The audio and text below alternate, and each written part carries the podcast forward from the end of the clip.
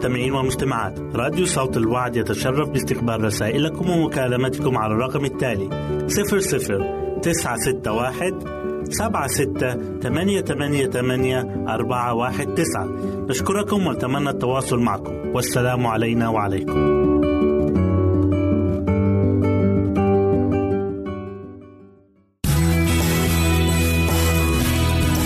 استماع وتحميل برامجنا من موقعنا على الإنترنت www.awr.org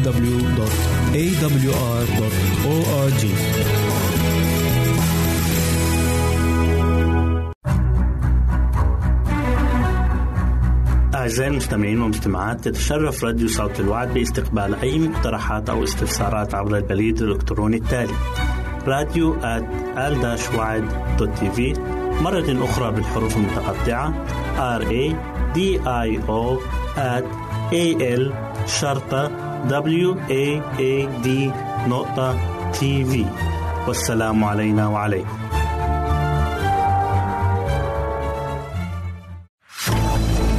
أعزائي المستمعين والمستمعات راديو صوت الوعد لا يكتفي بخدمتكم عبر الموجات الصوتية فقط بل وإنه يطرح لكم موقعا إلكترونيا يمكنكم من خلاله مشاهدة أجمل البرامج الدينية الثقافية الاجتماعية وغيرها من المواضيع الشيقة. يمكنكم زيارة الموقع من خلال العنوان التالي www.al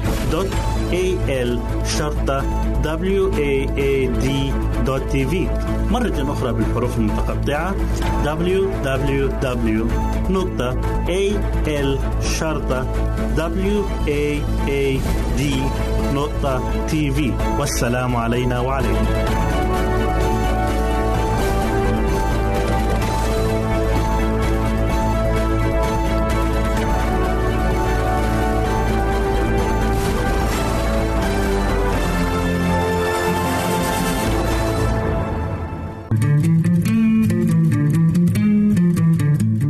تستمعون إلى إذاعة صوت الوعي.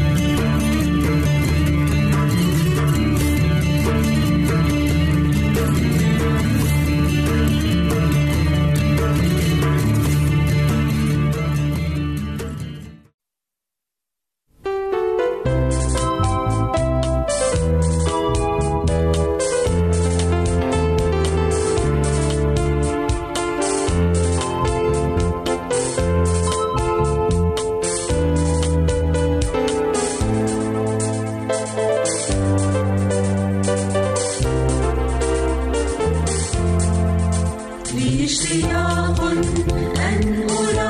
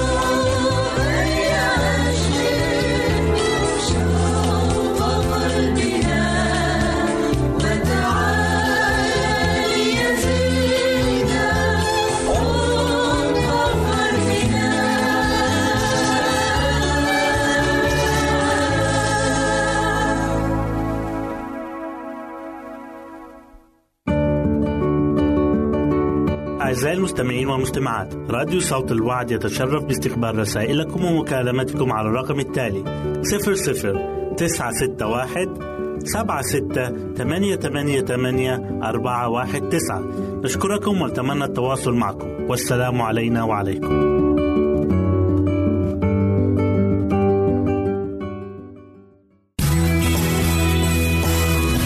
يمكنك استماع وتحميل برامجنا من موقعنا على الإنترنت. www.awr.org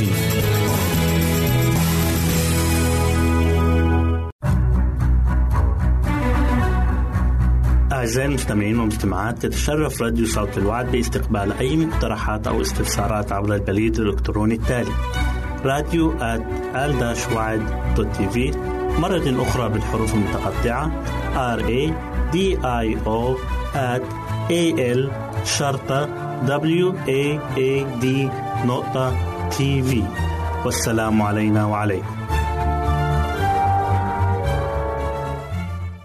أهلا وسهلا بكم مستمعين الكرام في كل مكان.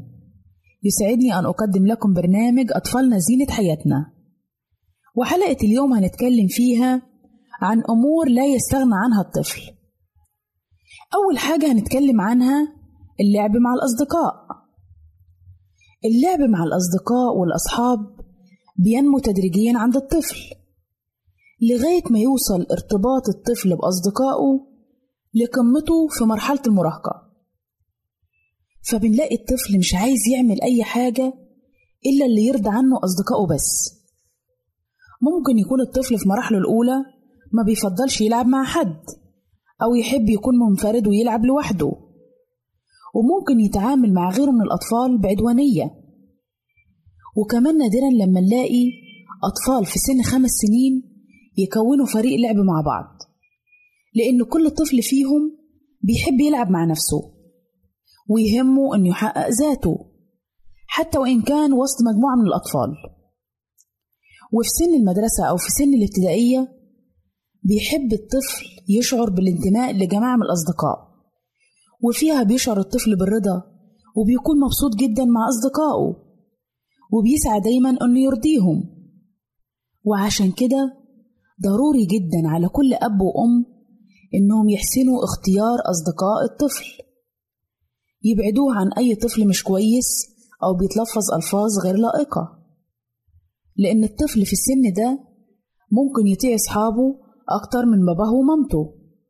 وبيكون السبب الأساسي في انحراف كتير من الأبناء في سن مبكر إنهم يصادقوا أطفال مش كويسين لأن بيكون ليهم تأثير سلبي عليهم. ولما بنقول كده ما نقصدش أبدا إننا نحرم الطفل إنه يكون ليه أصدقاء بالعكس هو مهم جدا إن يكون عنده أصدقاء. لكن إحنا نختار له الأولاد الكويسين اللي يصادقهم واللي يقضي وقته معاهم. وكمان نتكلم مع الطفل ونقنعه لو إحنا عايزينه يبعد عن حد معين. وإلا لو ما فهمناش الطفل وشرحنا له السبب ممكن يجيب نتائج عكسية.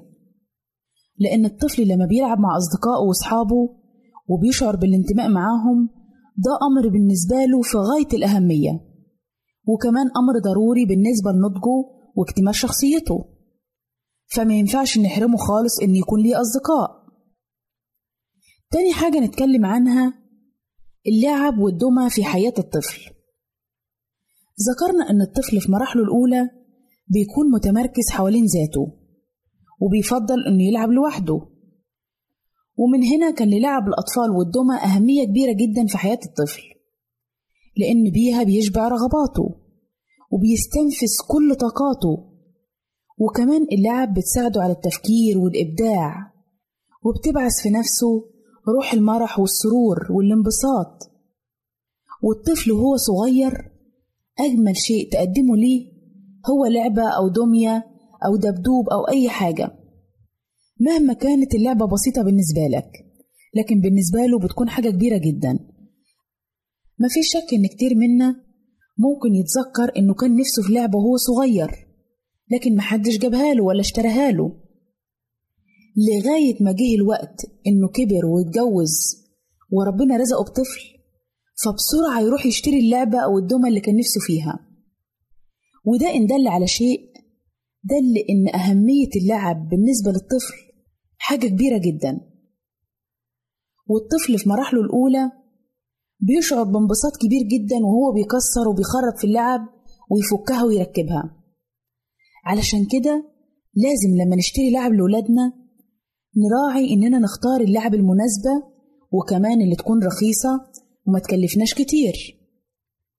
نختار اللعبة اللي مش هنقعد نعذب الطفل بيها ونقول لأ أنت كده لو عملت كده هتكسرها أو نخاف عليها. نحاول نشتري اللعب اللي الطفل هيلعب بيها بحرية من غير قيود. ولو مثلا اشترينا لعبة من لعب كانت غالية شوية لازم نقعد معاه ونوريه يلعب بيها إزاي؟ لكن لازم نديله الحرية إنه يلعب ببقية اللعب زي ما هو عايز. ما نحطلوش قيود على كل اللعب ومن اللعب الجميلة اللي بيحبها الأطفال قوي المكعبات. المكعبات بيقعد الطفل يفكها ويبعترها ويقعد يعمل منها أشكال جميلة وحلوة يقعد يعمل منها مباني. دي بتساعد الطفل كتير على الإبداع الفني والهندسي في مراحله العمرية المختلفة. يعني عادة بنلاقي إن البنت بتفضل الدمية أو العروسة في حين إن الولد ممكن يفضل أدوات الحرب زي المسدسات والبنادق وحاجات زي كده. كمان الولاد في الألعاب الجماعية بيختلف اللعب بتاعهم عن لعب البنات. يعني البنت تفضل تلعب مع البنت اللي زيها والولد برضه يلعب مع زمايله. ولعبة زي لعبة المكعبات البنات والولاد بيحبوها جدا. اللي عايزين نقوله في النهاية إن الألعاب المختلفة بتساعد الطفل في تنمية ذكائه وبتنشط ذهنه. الألعاب الجماعية هامة جدا لنمو الطفل اجتماعيا وبتنشط كمان علاقاته بغيره من الأولاد. كمان بتساعد على إزالة الخجل عند الطفل. وبكده أعزائي نكون وصلنا لنهاية برنامجنا أطفالنا زينة حياتنا. نسعد بتلقي آرائكم ومقترحاتكم وتعليقاتكم. وإلى لقاء آخر على أمل أن نلتقي بكم. تقبلوا مني ومن أسرة البرنامج. أرق وأطيب تحية. وسلام الله معكم. أعزائي المستمعين والمستمعات راديو صوت الوعد لا يكتفي بخدمتكم عبر الموجات الصوتية فقط بل وإنه يطرح لكم موقعا إلكترونيا يمكنكم من خلاله مشاهدة أجمل البرامج الدينية الثقافية الاجتماعية وغيرها من المواضيع الشيقة. يمكنكم زيارة الموقع من خلال العنوان التالي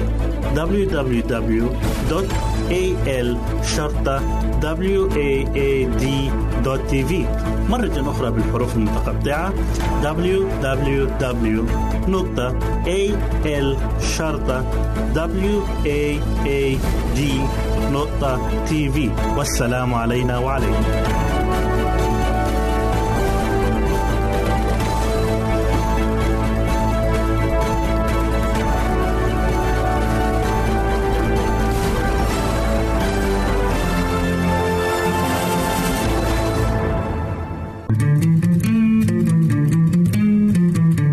أنتم تستمعون إلى إذاعة صوت الوعي.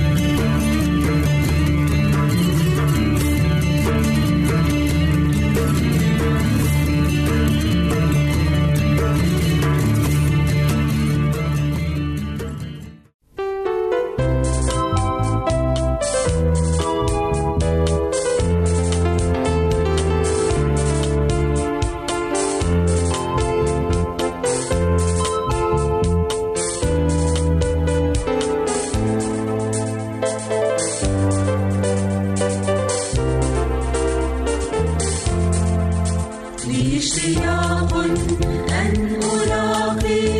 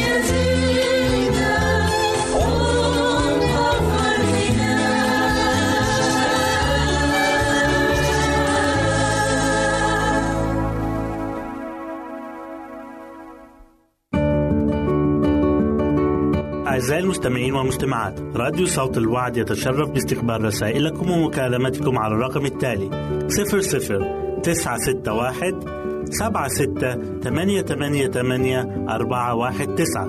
نشكركم ونتمنى التواصل معكم. والسلام علينا وعليكم.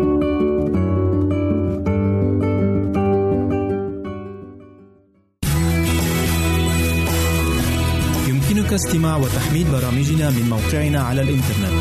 www.awr.org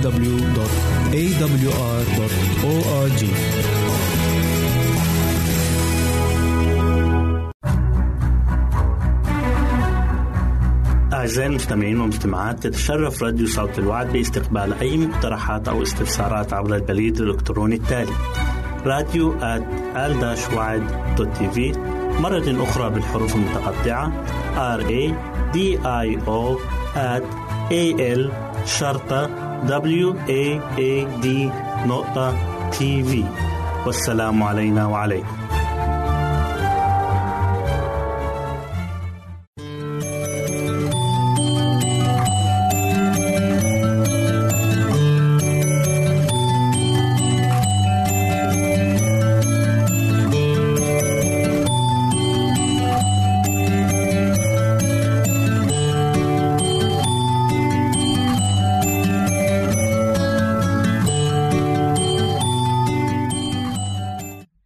حبايبي الحلوين. أهلا بيكم في برنامج قصص وحكايات لأحلى صبيان وبنات.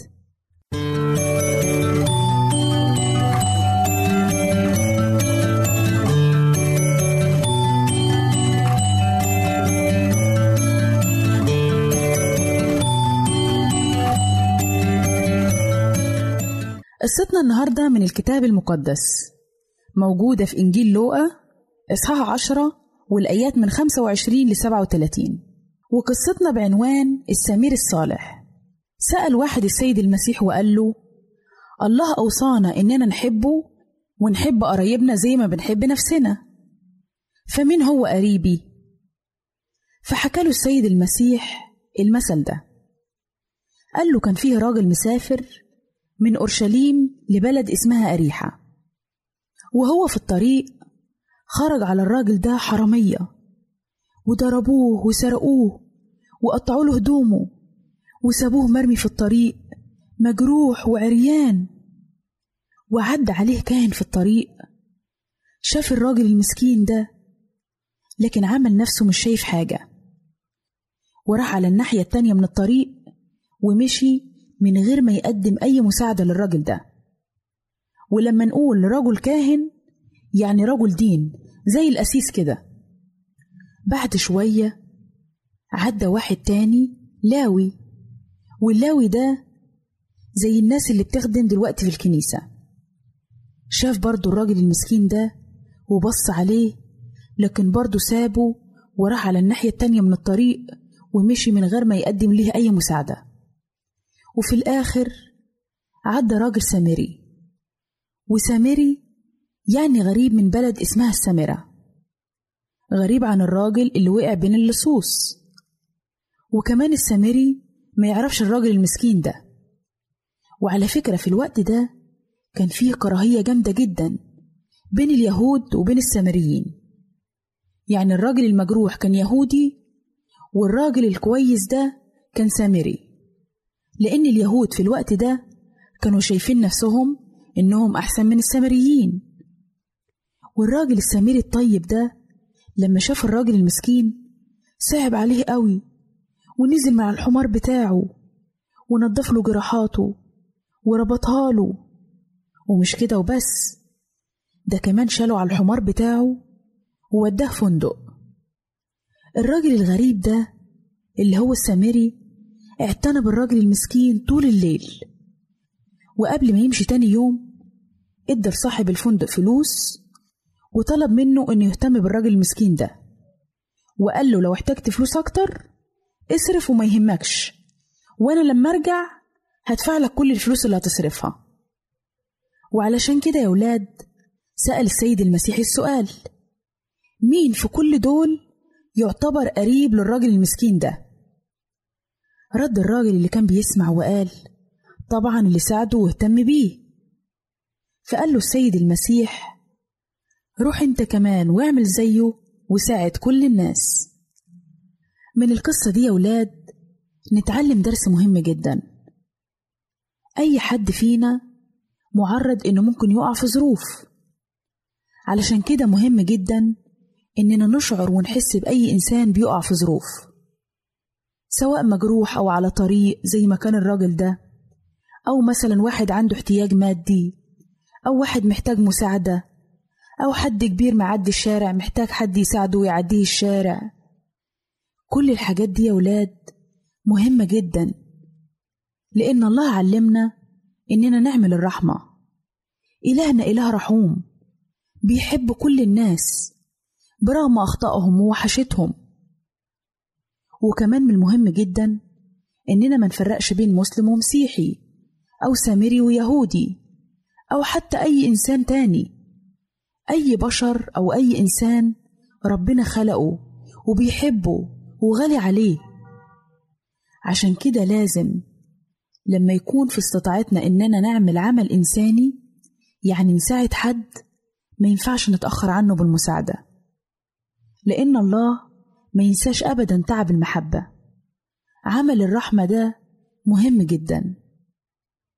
بصلي لكم حبايبي إن ربنا يساعدنا إن يكون عندنا رحمة وفي قلبنا رحمة ونحس بالآخرين زي ما إلهنا رحوم.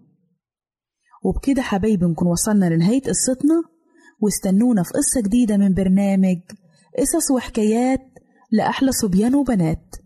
ربنا معاكم.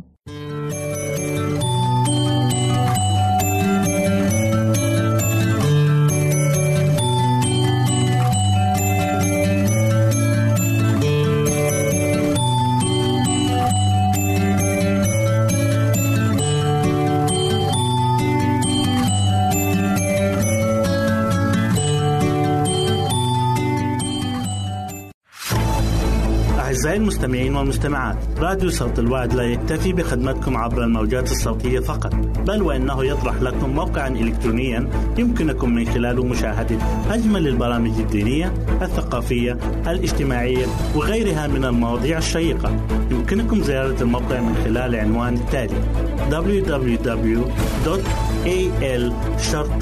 www.al-waad.tv مرة أخرى بالحروف المتقطعة. Www.al-waad.tv والسلام علينا وعليكم.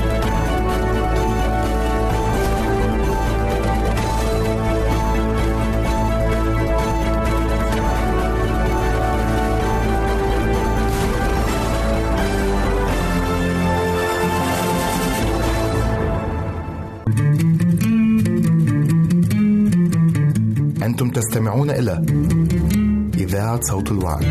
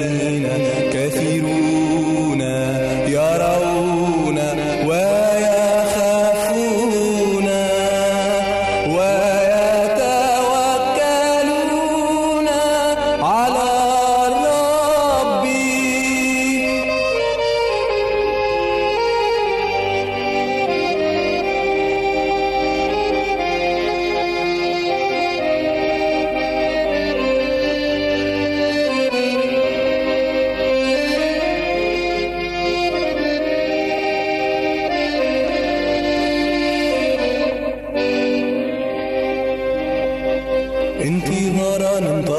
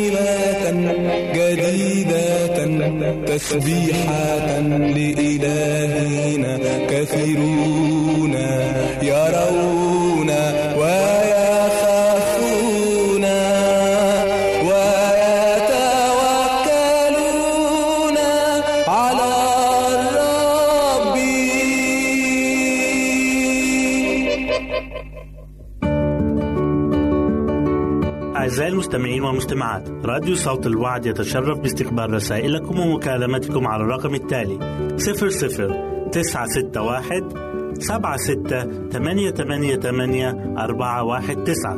نشكركم ونتمنى التواصل معكم. والسلام علينا وعليكم.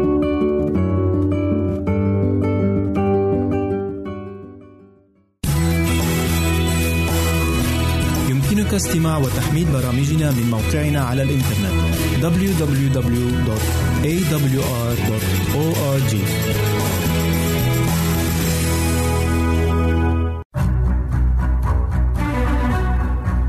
أعزائي المستمعين والمستمعات تتشرف راديو صوت الوعد باستقبال أي مقترحات أو استفسارات عبر البريد الإلكتروني التالي راديو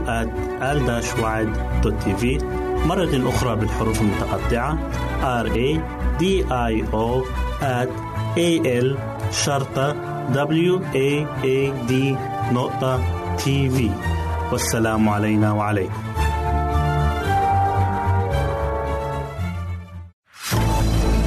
أعزائي المستمعين والمستمعات راديو صوت الوعد لا يكتفي بخدمتكم عبر الموجات الصوتية فقط بل وإنه يطرح لكم موقعا إلكترونيا يمكنكم من خلاله مشاهدة أجمل البرامج الدينية الثقافية الاجتماعية وغيرها من المواضيع الشيقة. يمكنكم زيارة الموقع من خلال العنوان التالي www.al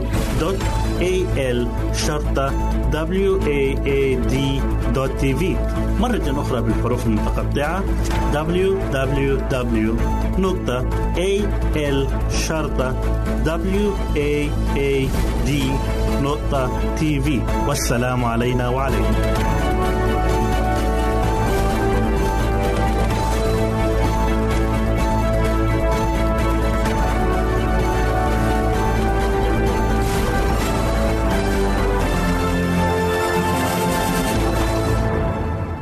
أعزائي المستمعين نرحب بكم إلى برنامج بيتي جنتي. وفيه تسلط الدكتورة منى الضوء على بعض الأمور العائلية والدكتورة منى مؤلفة معروفة ومحاضرة واسعة الصيت. ويسرنا أن تقدم لنا اليوم محاضرتها الحادية عشرة بعنوان تحديد مواعيد عائلية. فإذا كان عملك يحول بينك وبين قضاء أوقات ممتعة مع أفراد أسرتك فربما يكون الوقت قد حان لتبدأ بتحديد مواعيد معينة لقضاء بعض الوقت بصحبتهم. وليس من السهل إيجاد الوقت الكافي الذي تقضيه مع أفراد أسرتك خاصة إذا كان عملك يشغل معظم وقتك. لهذا السبب تقترح الدكتورة منى أنه من الأفضل تحديد وقت مسبق يكون من أولويات جدولك كي تقضيه بصحبة أولادك. تماما مثلما تحدد مواعيدا أخرى لمشغولياتك وأعمالك. فلنستمع الآن إلى الدكتورة منى. كانت السيدة سهير تشغل وظيفة مهمة كمديرة تنفيذية لشركة دولية كبيرة. وقد احتفظت بكافة مواعيدها المهمة في كتيب أسود صغير كانت تحمله معها على الدوام. وكلما أراد أولادها قضاء بعض الوقت الخاص معها كانت تخرج ذلك الكتيب الصغير لترى فيما إذا كانت مرتبطة بمواعيد أخرى أم لا. وفي أغلب الأحيان كانت تضطر إلى هز رأسها بالنفي وهي تقول لهم: كلا يا صغاري، أنا متأسفة، فأنا الآن مرتبطة بموعد مهم. وفي ذات يوم سألها ابنها قائلا: هل تعتقدين يا أمي أنني مهم في نظرك؟ أفلا أستحق أنا أيضا موعدا منك لتقابليني على انفراد كما تفعلين مع الناس الباقين؟ أخذت السيدة سهير على حين غرة ودهشت كثيرا للمنطق الذي أظهره ابنها رغم صغر عمره. فهي لم تكن قد فكرت من قبل أن تعطي موعدا خاصا لأولادها كي تقضي معهم وقتا خاصا. تلك الفكرة لم تخطر على بالها أبدا وما إن ذهبت عنها دهشتها حتى قالت نعم يا ابني أنا أعتقد أنك مهم في نظري وتستحق أن أقضي معك بعض الوقت المحدد ولكن الطفل لم يتركها عند هذا الحد وكأنه أراد أن يمعن في إحراج أمه وإيقاظها إلى مسؤولياتها الأهم. فقال إذا لماذا لا تكتبين اسمي في هذا الكتيب الأسود الصغير وتحددين لي موعدا نلتقي فيه سويا أنا وأنت على انفراد؟ أعجبت الأم بابنها أيما إعجاب ولم تستطع أن تجادله إذ أدركت أنه على حق وإذ أنبها ضميرها أرسلت في طلب باقي أطفالها ولما اجتمعوا كلهم حولها أعطتهم كتيب ملاحظاتها الصغير هذا وطلبت إليهم أن يبحثوا سويا ويقرروا كيف يريدون قضاء بعض الوقت الخاص معها على انفراد وفي أي شيء يشغلون ذلك الوقت. ومن ثم يدونوا أسماءهم في الكتيب ويحددوا الوقت. وهكذا أصبح الميعاد المحدد بينها وبين أطفالها هو أهم موعد في كتيب ملاحظاتها الصغير ذات اللون الأسود. فإذا اعتادت السيدة سهير بعد ذلك على تخطيط برنامجها كي يتضمن مواعيد مسبقة فيها تقضي وقتا خاصا مع صغارها وجدت أنه من الأسهل الوفاء بباقي مواعيد عملها ومقابلاتها الأخرى. فإذا حدث أن أحد مستخدميها أو أحد الزملاء في العمل قال لها سيكون هناك اجتماع للجنة الشركة يوم الثلاثاء ظهرا ونريدك أن تحضري. كانت هي تخرج كتيب ملاحظاتها لترى فيما إذا كان أحد أطفالها قد اختار ذلك الموعد ذاته. فإذا كان الأمر كذلك كانت تعتذر قائلة معذرة لعدم قدرتي على الحضور إذ أنني مرتبطة بموعد آخر على جانب كبير من الأهمية ولا أستطيع أن أتغيب عنه. وفي معظم الحالات كان يرجى موعد اللجنة أو المواعيد الأخرى إلى وقت لاحق كي تتمكن هي من الحضور. والآن وقد كبر أولادها وتزوجوا وأصبح لكل منهم عائلته الخاصة. فما هو الشيء الذي ظل عالقا أكثر في ذاكرة السيدة سهير؟ هل هي اللجان والمؤتمرات الخاصة بالعمل؟ كلا بل بالحري المواعيد التي أعطتها لأولادها والتي قضت معهم فيها وقتا خاصا إما في صيد الأسماك أو ركوب الزوارق والسباحة أو التنزه سيرا على الأقدام على حافة النهر والحقيقة أن تلك المناسبات أصبحت هي أكثر الأشياء العالقة بذاكرة كافة أفراد عائلة سهير. عزيزي المستمع، لماذا لا تجرب ما جربته السيدة سهير؟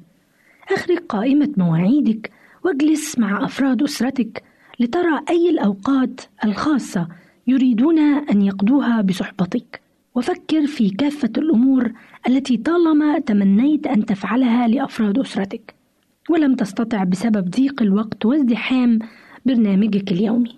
حدد أولوياتك وخصص الوقت اللازم لهذه الأولويات.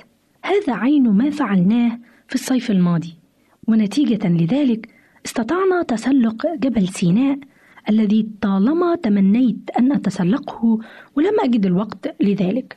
كنت أريد على مدى خمس سنوات القيام بتلك الرحلة الجبلية وها هم أطفالي وقد أفسحوا لي المجال لأن أصطحبهم ونستمتع سويا بيوم ظلت ذكراه العطرة عالقة بأذهاننا حتى اليوم. ولا شك أنك تريد عمل أشياء كثيرة مع أفراد أسرتك ولكنك لا تجد الوقت لذلك. ولا شك أيضا أنك إذا سألت أطفالك فستجد أنهم يريدون أن يحققوا أشياء كثيرة بصحبتك. والطريقة الوحيدة لتحقيق ما تريد أنت وما يريدون هم هي أن تخطط في برنامج مواعيدك الخاصة الوقت اللازم والمحدد لتقضيه مع أولادك. تذكر أن لأولادك أهمية في نظرك يستحقون معها موعدا خاصا منك. فدون أسماءهم في مذكرتك الصغيرة الآن واستمتع بغد أفضل في صحبتهم. بالفعل كثيرا ما ننسى أطفالنا في زحمة برامجنا اليومية فمن المهم بل من الأهم أن نذكر اولا أطفالنا فلذة أكبادنا ومن ثم نهتم بالمواعيد الأخرى أليس كذلك عزيزي المستمع؟ أفلا تجرب هذه الطريقة عمليا لترى وتختبر فاعليتها؟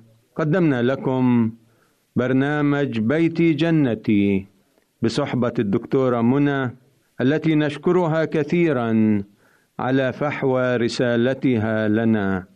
عزيزي المستمع إذا كنت قد استمتعت بهذا البرنامج وترغب في سماع المزيد حول مواضيع أخرى تقدمها الدكتورة منى فنرجو أن تكتب لنا عن رغبتك على عنوان إذاعتنا.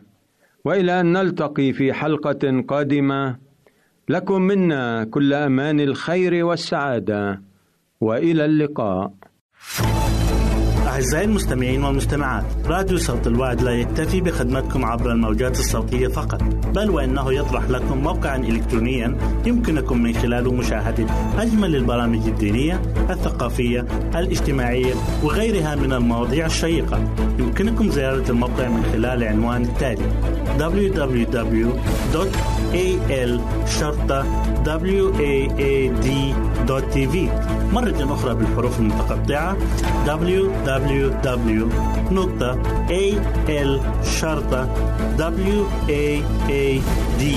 www.al-waad.tv والسلام علينا وعليكم.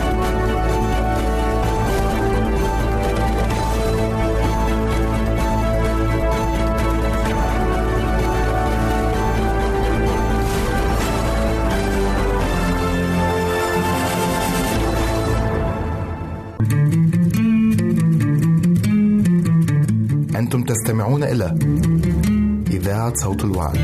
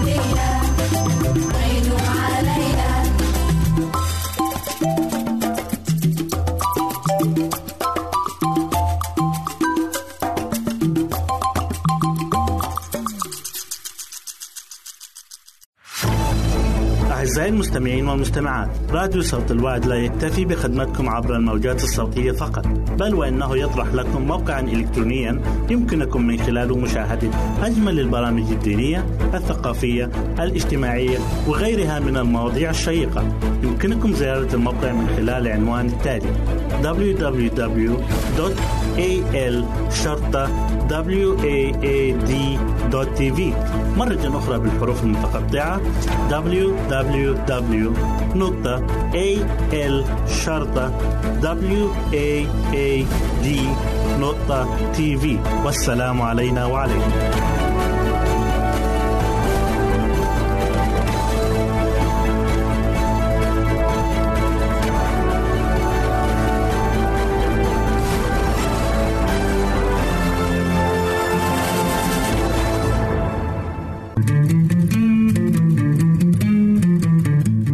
تستمعون إلى إذاعة صوت الوعد.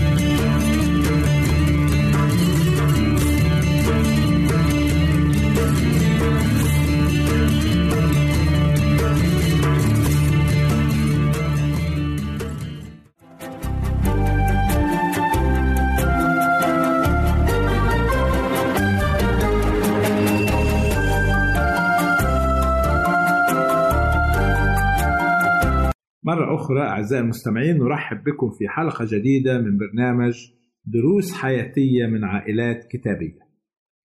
تكلمنا سابقا عن سبب الشر في الأرض أيام آه، شيس وأيام قايين كيف أن هذا النسل الصالح اختلط بالنسل الشرير وهذا ما جلب نسل وجب على الله أن يجلب الطوفان على الأرض.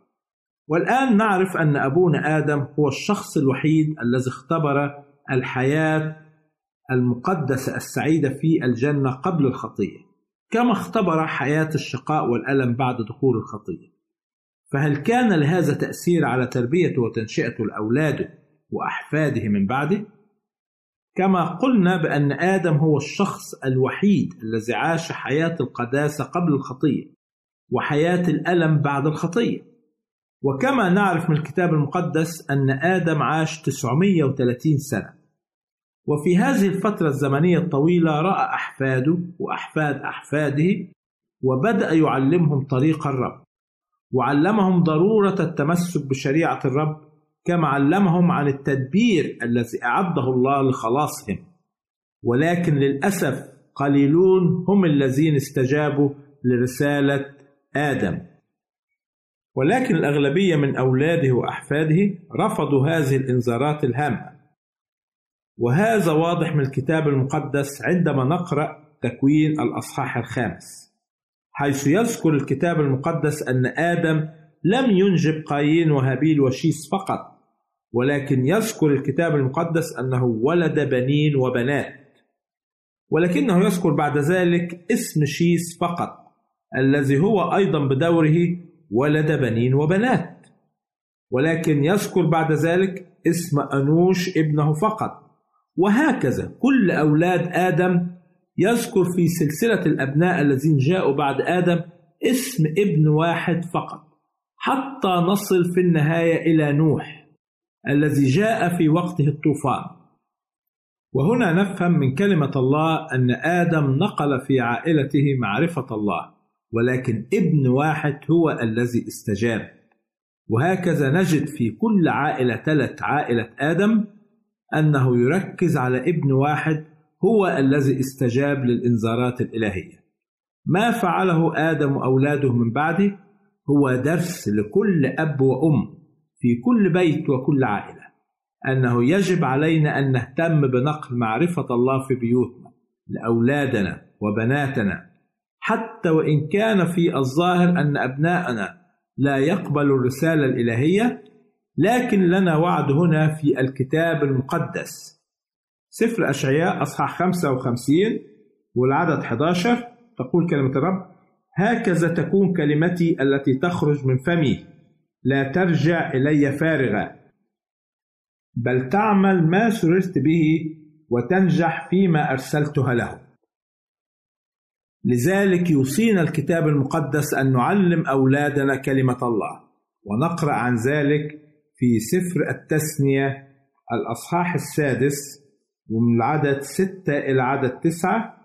يقول الكتاب ولتكن هذه الكلمات التي أنا أوصيك بها اليوم على قلبك وقصها على أولادك وتكلم بها حين تجلس في بيتك وحين تمشي في الطريق وحين تنام وحين تقوم واربطها علامة على يدك ولتكن عصائب بين عينيك واكتبها على قوائم بيتك وعلى أبوابك دعونا الآن ننتقل إلى عائلة أخرى وهي عائلة نوح ونريد أن نعرف هل هناك دروس يمكن أن نستفادها ونتعلمها كأسر وعائلات من بيت نوح وعائلته؟ قبل أن نتكلم عن نوح وعائلته نريد أن نعرف من هو نوح. نوح هو ابن لامك وقد جاء من نسل شيث وهو من الأبناء الذين تعلموا وعرفوا عن الله من آبائهم. ويذكر الكتاب أن أبوه لامك سماه نوح قائلا هذا يعزينا عن عملنا وتعب أيدينا من قبل الأرض التي لعنها الرب. لأجل هذا معنى اسم نوح يعني راحة ونعرف من الكتاب المقدس أن نوح عاش في فترة صعبة للغاية حيث كان الشر قد تفشى وازداد إلى درجة أن الله يقول في الكتاب رأى أن شر الإنسان قد كثر في الأرض وأن تصور أفكار قلب الإنسان إنما هو الشرير كل يوم. وهنا نقرأ آيات بعد ذلك توضح إلى أي درجة انتشر الشر وانتشرت الخطية بين الناس حيث يقول الكتاب فحزن الرب أنه عمل الإنسان في الأرض وتأسف في قلبه. ولذلك قرر الرب قائلا أمحو عن وجه الأرض الإنسان الذي خلقته. كل هذه الآيات تظهر إلى أي درجة كان العالم الذي عاش فيه نوح شريرا. ولكن نقرأ في الكتاب المقدس هذه الكلمات. وأما نوح فوجد نعمة في عيني الرب. يمكن هذه الكلمات فيها درس لنا كآباء. فعلى الرغم أن الظروف المحيطة به كانت صعبة إلا أنه ظل أمينا لله. وليس هو فقط بل كما نعرف من كلمة الله أنه هو وأهل بيته أيضا. ظلوا أمناء لله في وسط الظروف المحيطة بهم والتي كانت تدفعهم للشر والتمرد على الله. ويمكن أن تكون حياة نوح كما قلنا درس لنا. إذ كنا نرى أن الشر المحيط بنا كثير إذا كانت حياة معظم الناس المحيطين بنا ضد تعاليم الله وضد وصاياه يوصينا الكتاب المقدس في روميا أصحاح 12 والعدد الثاني ولا تشاكلوا هذا الدهر. سعدت أن أكون معكم أعزائي المستمعين في هذه الحلقة. وأرجو أن تكونوا قد استمتعتم بها وإلى أن ألقاكم في حلقة جديدة. سلام الرب يكون معكم. نرجو التواصل معنا عبر هذه العناوين. للتشات www.al-waad.tv وللرسائل radio at al-waad.tv والاتصال عبر الواتساب 961 76 888 419 961 76 888 419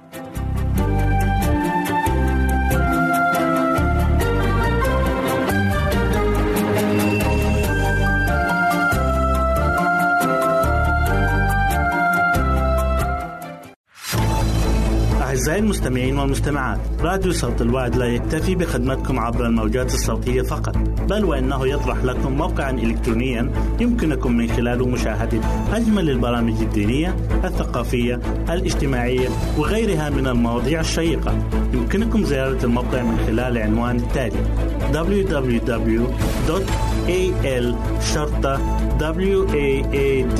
www.al-waad.tv مرة أخرى بالحروف المتقطعة www.al-waad.tv والسلام علينا وعليكم.